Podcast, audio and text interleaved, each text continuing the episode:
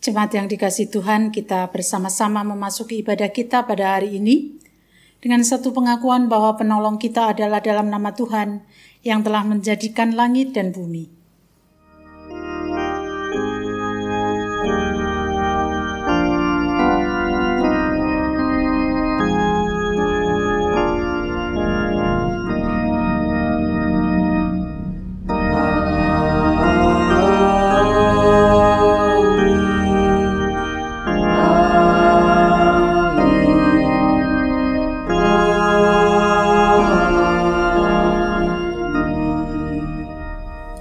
Kasih karunia dan damai sejahtera dari Allah Bapa kita dan dari Tuhan Yesus Kristus menyertai saudara sekalian. Dan menyertai saudara juga. Nats pembimbing diambil dari Roma 8 ayat 18. Sebab aku yakin bahwa penderitaan zaman sekarang ini tidak dapat dibandingkan dengan kemuliaan yang akan dinyatakan kepada kita. Mari kita bersama-sama untuk menyambut melalui Kidung Jemaat 4 bait 1 dan 5. Hai mari sembah.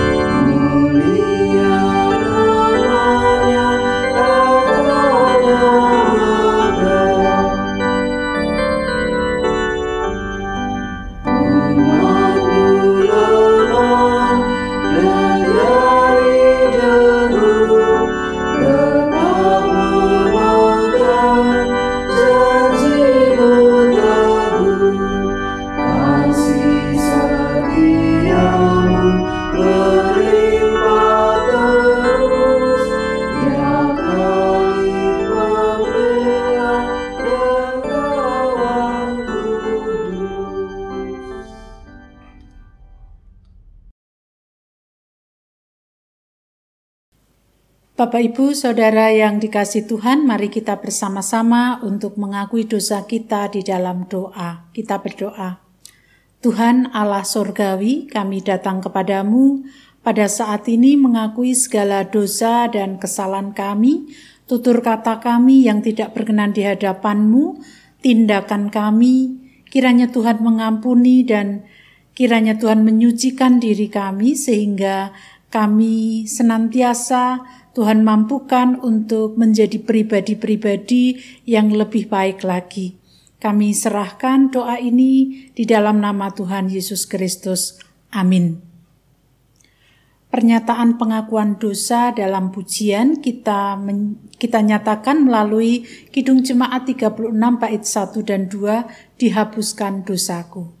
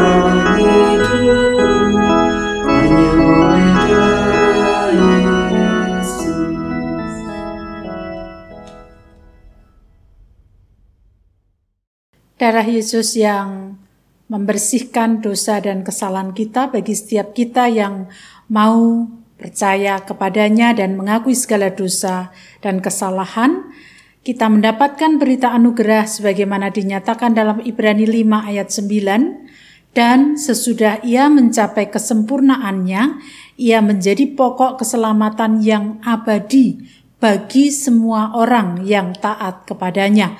Demikianlah berita anugerah dari Tuhan. Syukur kepada Allah. Kita sambut dengan satu pujian, harap akan Tuhan. Kidung Jemaat 455 445 bait 1 dan 2.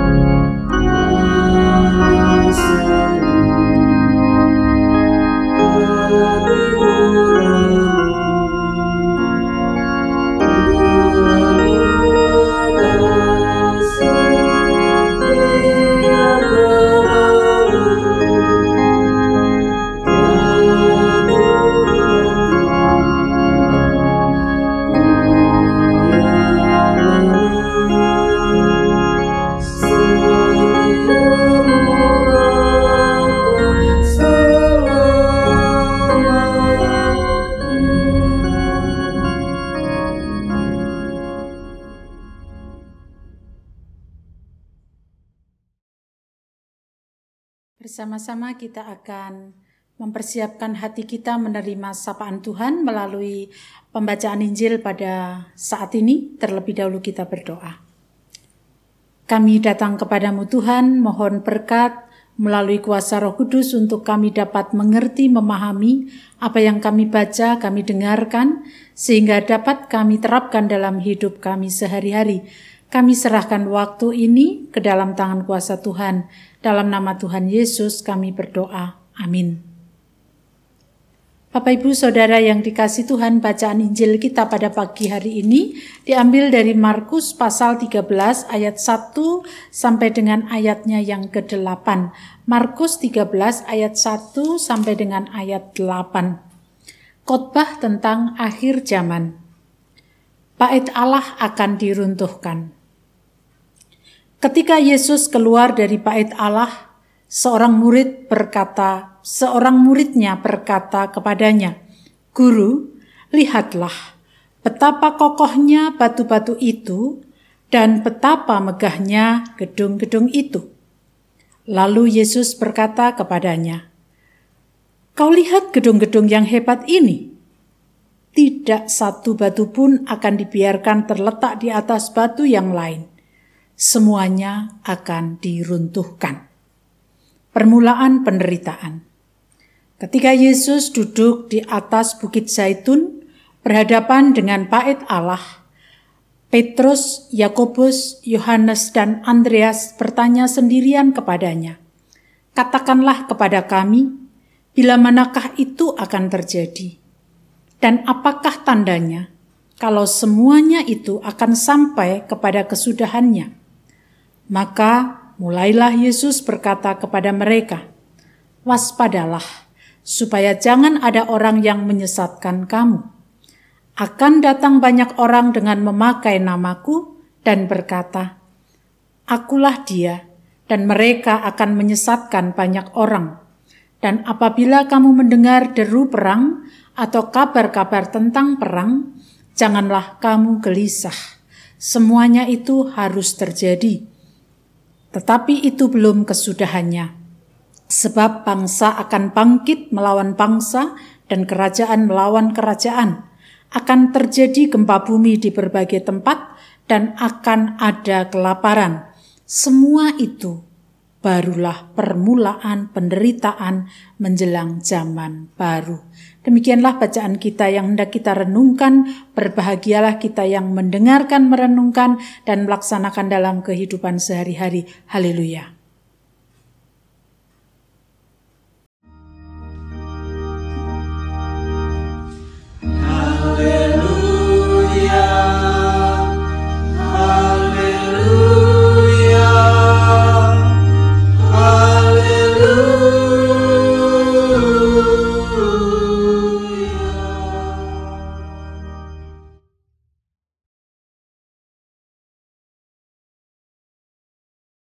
Bapak, Ibu, Saudara yang dikasih Tuhan, yang namanya orang hidup itu pasti pernah mengalami penderitaan. Tidak satu orang pun yang tidak pernah menderita. Saya yakin siapa pun itu pasti mengalami, pernah mengalami penderitaan. Mengapa? Karena penderitaan itu merupakan bagian hidup manusia yang tidak dapat dihindari. Nah, penderitaan itu macamnya bisa saja penyakit, bisa saja masalah keuangan, bisa saja mengalami kepahitan, luka batin, dan lain sebagainya. Nah, ketika kita menghadapi penderitaan, ada orang yang bertanya, "Mengapa penderitaan ini terjadi atas hidup saya?" Tepatkah pertanyaan seperti itu? Semestinya bagi orang percaya bukan mengapa penderitaan itu terjadi atas hidup saya, tetapi kita mestinya mm, mempunyai pertanyaan kebaikan apa yang hendak Tuhan nyatakan melalui penderitaan yang sedang saya hadapi? Itu adalah pertanyaan yang tepat yang mestinya diungkapkan oleh orang percaya. Bapak, Ibu, Saudara yang dikasih Tuhan, bacaan kita pada hari ini memberikan sebuah gambaran kepada kita tentang bagaimana Yesus memberikan nasihat atau wejangan kepada murid-muridnya Ketika murid-murid sedang terkagum-kagum, takjub akan kemegahan bait Allah. Justru di situlah Yesus memberikan wejangan atau nasihat. Wejangan atau nasihat ini adalah wejangan yang bersifat eskatologis. Apa itu eskatologis? Eskatologis adalah sesuatu yang akan terjadi pada masa depan atau pada akhir zaman tentang kehancuran bait Allah. Wejangan itu timbul oleh karena pertanyaan para murid. Kapan itu akan terjadi? Apa tandanya kalau sampai pada kesudahannya? Jadi pertanyaan-pertanyaan itu lalu kemudian membawa pada sikap Yesus memberikan nasihat kepada mereka. Yesus justru mengarahkan kepada murid agar mereka waspada terhadap iman yang sudah mereka miliki. Jadi Yesus tidak menjawab kapan akan terjadi, seperti apa tidak, tetapi Yesus mengingatkan supaya mereka waspada. Jangan sampai mereka tersesat karena kejadian-kejadian yang akan menimpa dan terjadi dalam kehidupan para murid. Bagi Yesus, wejangan kepada para murid itu penting, sangat penting. Jadi bukan kapan saatnya, bagaimana tandanya, itu tidak penting melainkan bagaimana sikap para murid dalam menghadapi hal-hal yang akan terjadi di tengah kehidupan mereka. Mengapa mereka harus hati-hati atau mengapa mereka harus waspada? Karena pasti akan ada muncul nabi-nabi palsu, mesias-mesias palsu yang mengaku bahwa mereka adalah Kristus, mereka adalah Mesias dengan mukjizat-mukjizat yang dilakukan oleh mereka. Nah, terhadap orang-orang yang seperti itu, murid-murid harus berhati-hati. Siapa nabi nabi palsu itu?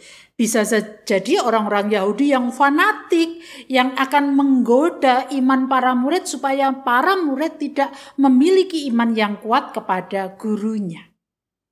Selain itu juga akan terjadi penderitaan-penderitaan yang muncul oleh sebab perang, oleh sebab gempa bumi, oleh sebab kelaparan, dan lain sebagainya. Nah, sering kali orang kemudian mengkaitkan kalau sekarang banyak uh, gempa bumi, sekarang masih ada kelaparan, sekarang banyak terjadi konflik sehingga ada peperangan, apakah itu merupakan tanda? Bukan itu yang penting.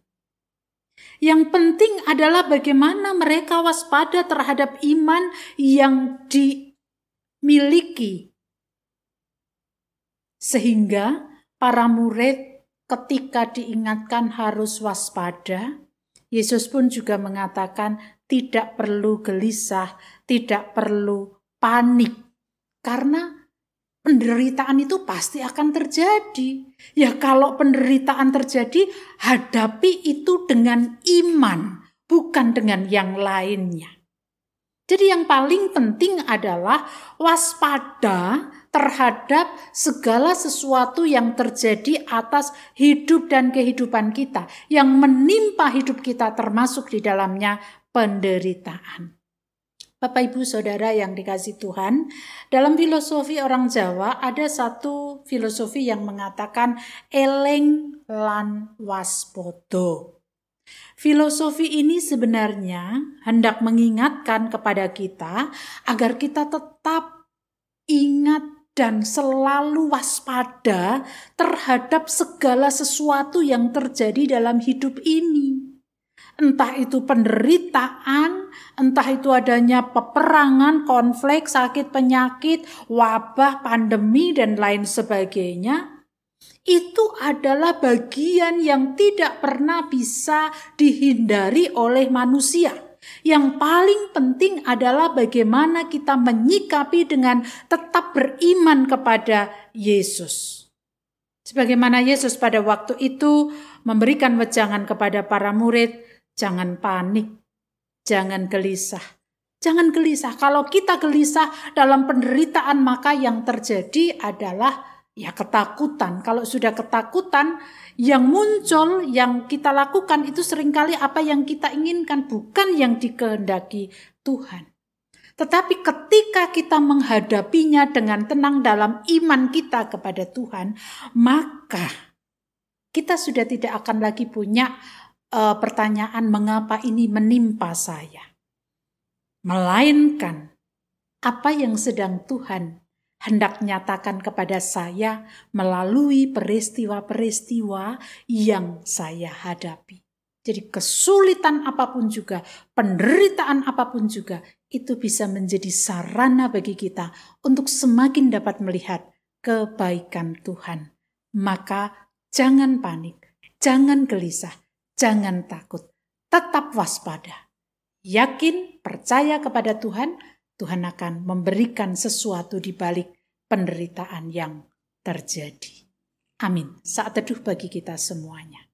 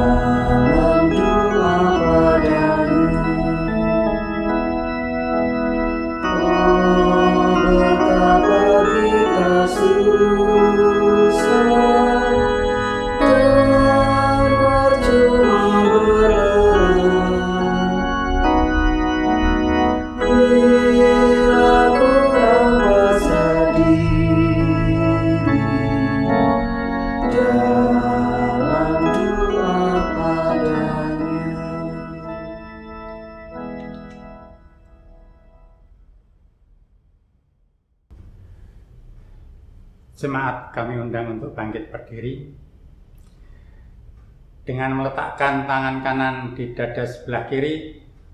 Mari kita bersama-sama mengikrarkan pengakuan iman rasuli. Aku percaya kepada Allah Bapa yang Maha Kuasa, Khalik langit dan bumi, dan kepada Yesus Kristus, anak yang tunggal Tuhan kita, yang dikandung daripada Roh Kudus, lahir dari anak darah Maria, yang menderita di bawah pemerintahan Pontius Pilatus, disalibkan, mati dan dikuburkan, turun ke dalam kerajaan maut. Pada hari yang ketiga, bangkit pula dari antara orang mati. Naik ke surga, duduk di sebelah kanan Allah Bapa yang Maha Kuasa, dan akan datang dari sana untuk menghakimi orang yang hidup dan yang mati. Aku percaya kepada Roh Kudus, gereja yang kudus dan am, persekutuan orang kudus, pengampunan dosa, kebangkitan daging, dan hidup yang kekal.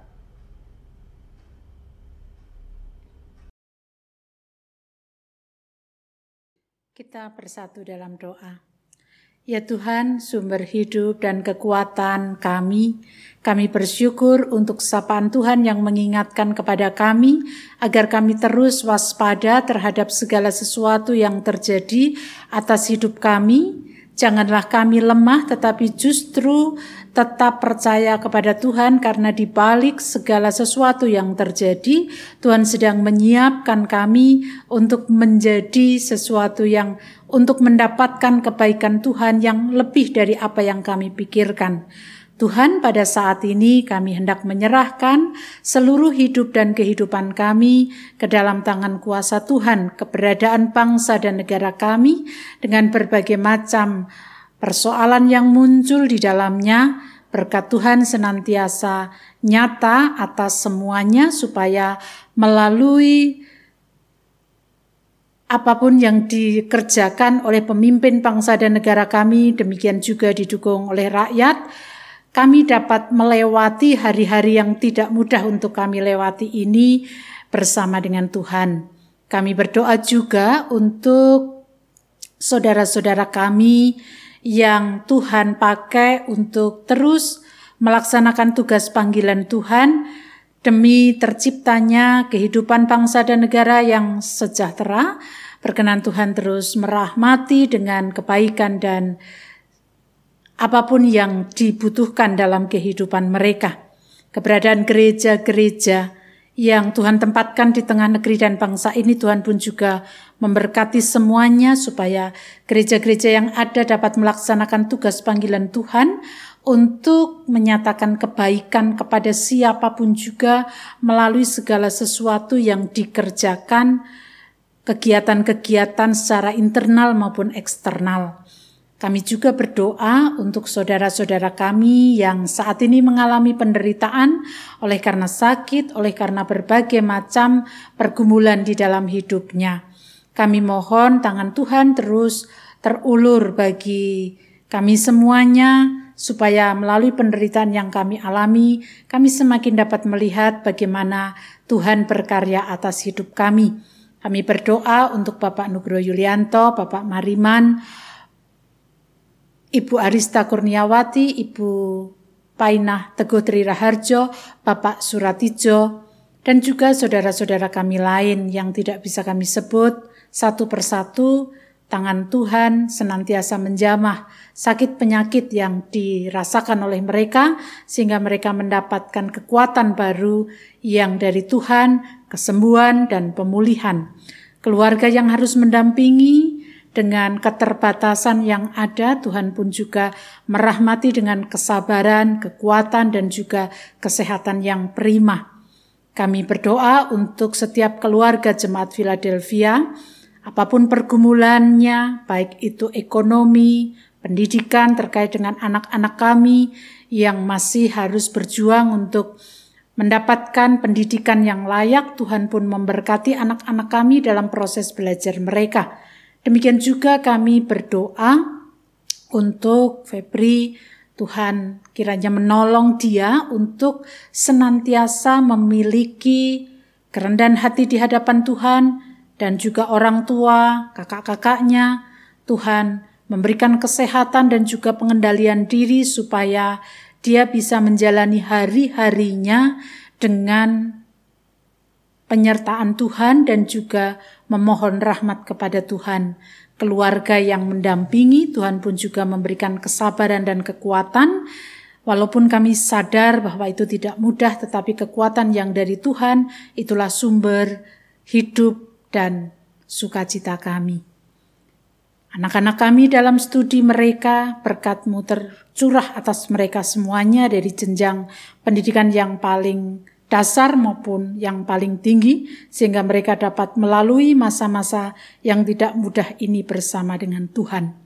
Kami menyerahkan masalah-masalah yang kami hadapi, walaupun tidak bisa kami sebutkan satu persatu, kami mohon berkat Tuhan. Inilah doa seruan kami kepadamu Tuhan, kesempurnaannya kami serahkan di dalam nama Tuhan kami Yesus Kristus yang telah mengajarkan kepada kami doa Bapa kami.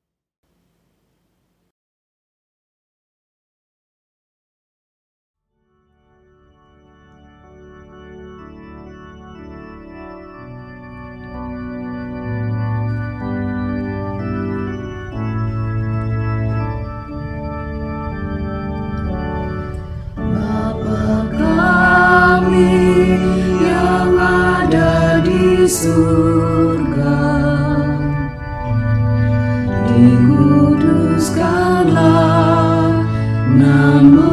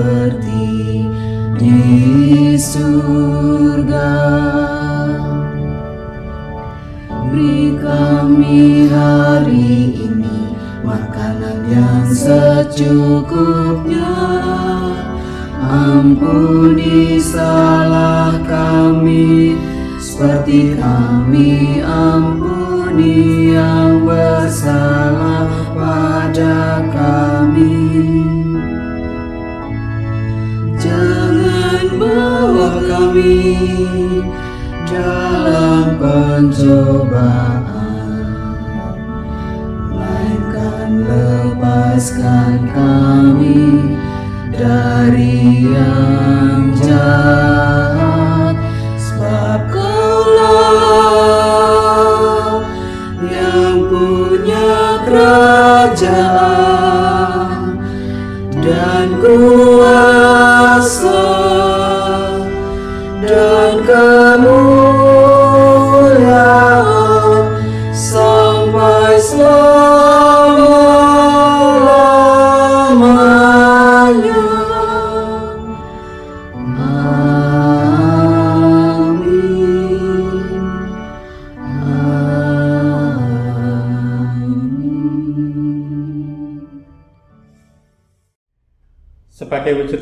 rasa syukur atas pemeliharaan Tuhan dalam kehidupan kita, marilah kita bersama-sama untuk mempersembahkan persembahan kita kepada Tuhan. Dasar persembahan diambil dari Mazmur 4 ayat yang ke-6 yang demikian. Persembahkanlah kurban yang benar dan percayalah pada Tuhan. Marilah kita menyanyikan PKJ 148 bait pertama dan keempat. Terima kasih ya Tuhanku.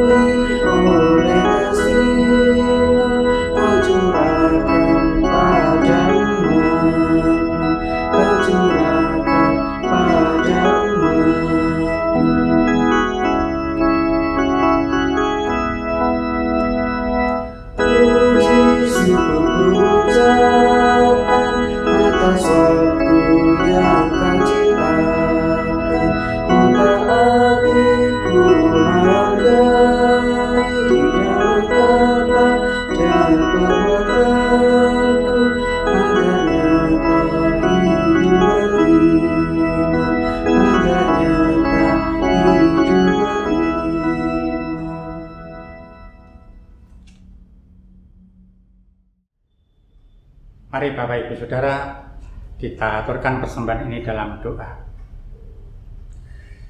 Terima kasih ya Allah Bapa yang kami kenal di dalam nama Tuhan Yesus Kristus.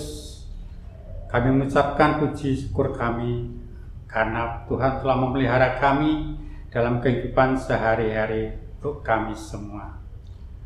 Pada kesempatan pagi hari ini Tuhan, Tuhan telah memberikan kesempatan kepada kami untuk kami mengadakan ibadah.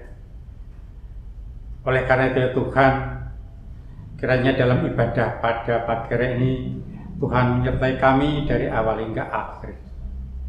Pada kesempatan ini juga kami aturkan persembahan yang kami kumpulkan dalam bentuk uang. Kami aturkan persembahan ini karena Tuhan telah memelihara hidup kehidupan kami sehari-hari. Berkat Tuhan yang tercurah dalam kehidupan kami. Dan persembahan ini kami kumpulkan dengan rasa sukacita kami. Akan tetapi ya Tuhan, apabila di dalam kami mempersembahkan persembahan ini ada cacat celah dan dosa-dosa kami, kiranya Tuhan mengampuninya. Di dalam nama Tuhan Yesus Kristus, kami berdoa dan mengucap syukur. Amin. Setiap penderitaan yang kita hadapi, Tuhan pasti menyediakan kebaikan untuk kita oleh karena itu, tetaplah setia, taat kepadanya. Kita bersama-sama untuk mengakhiri ibadah kita. Dengan bangkit berdiri, kita menyanyikan Kidung Jemaat 446, bait 1 dan 3, Setialah.